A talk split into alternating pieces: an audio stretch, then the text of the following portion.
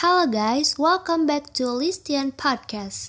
Let's continue the discussion about analytical text. Now we will discuss about language features of an analytical text.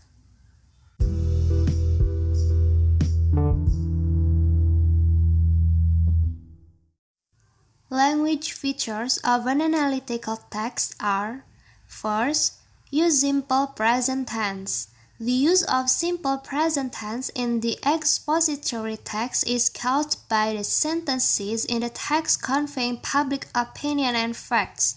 Example, such as lions live, I eat pizza, cheetahs run. Secondly, use descriptive persuasive words with emotive connotation to emphasize your viewpoint. Instead of using bad, use appalling, unfavorable, ghastly, terrible. Instead of using good, use fantastic, incredible, momentous, remarkable. Instead of using persuading, use convincing, urging, enticing, realistic. Instead of using persuasive, use credible, realistic, rational, sane, coherent.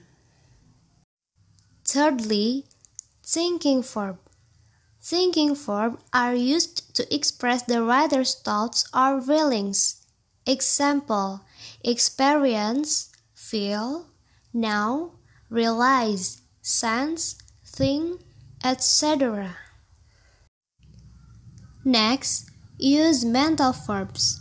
Mental verbs have meanings related to concepts such as discover, understand, think, or plan. Example believe, prefer, agree, love, like, mind, etc.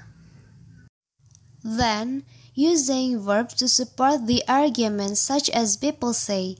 Example, it is said, research indicates, etc. Next, use conjunction. Conjunctions are words or phrases that connect words, phrases, clauses, and sentences into one. There are four types of conjunctions. Firstly, addition, example, besides, in addition, further. Secondly, comparisons, example, but, vice versa, meanwhile, on the other hand. Thirdly, time, example. Second, then, next. Fourth, cause effect. example, consequence, as a result, so the result. Next, use words that express the author's attitude to quality or confirm.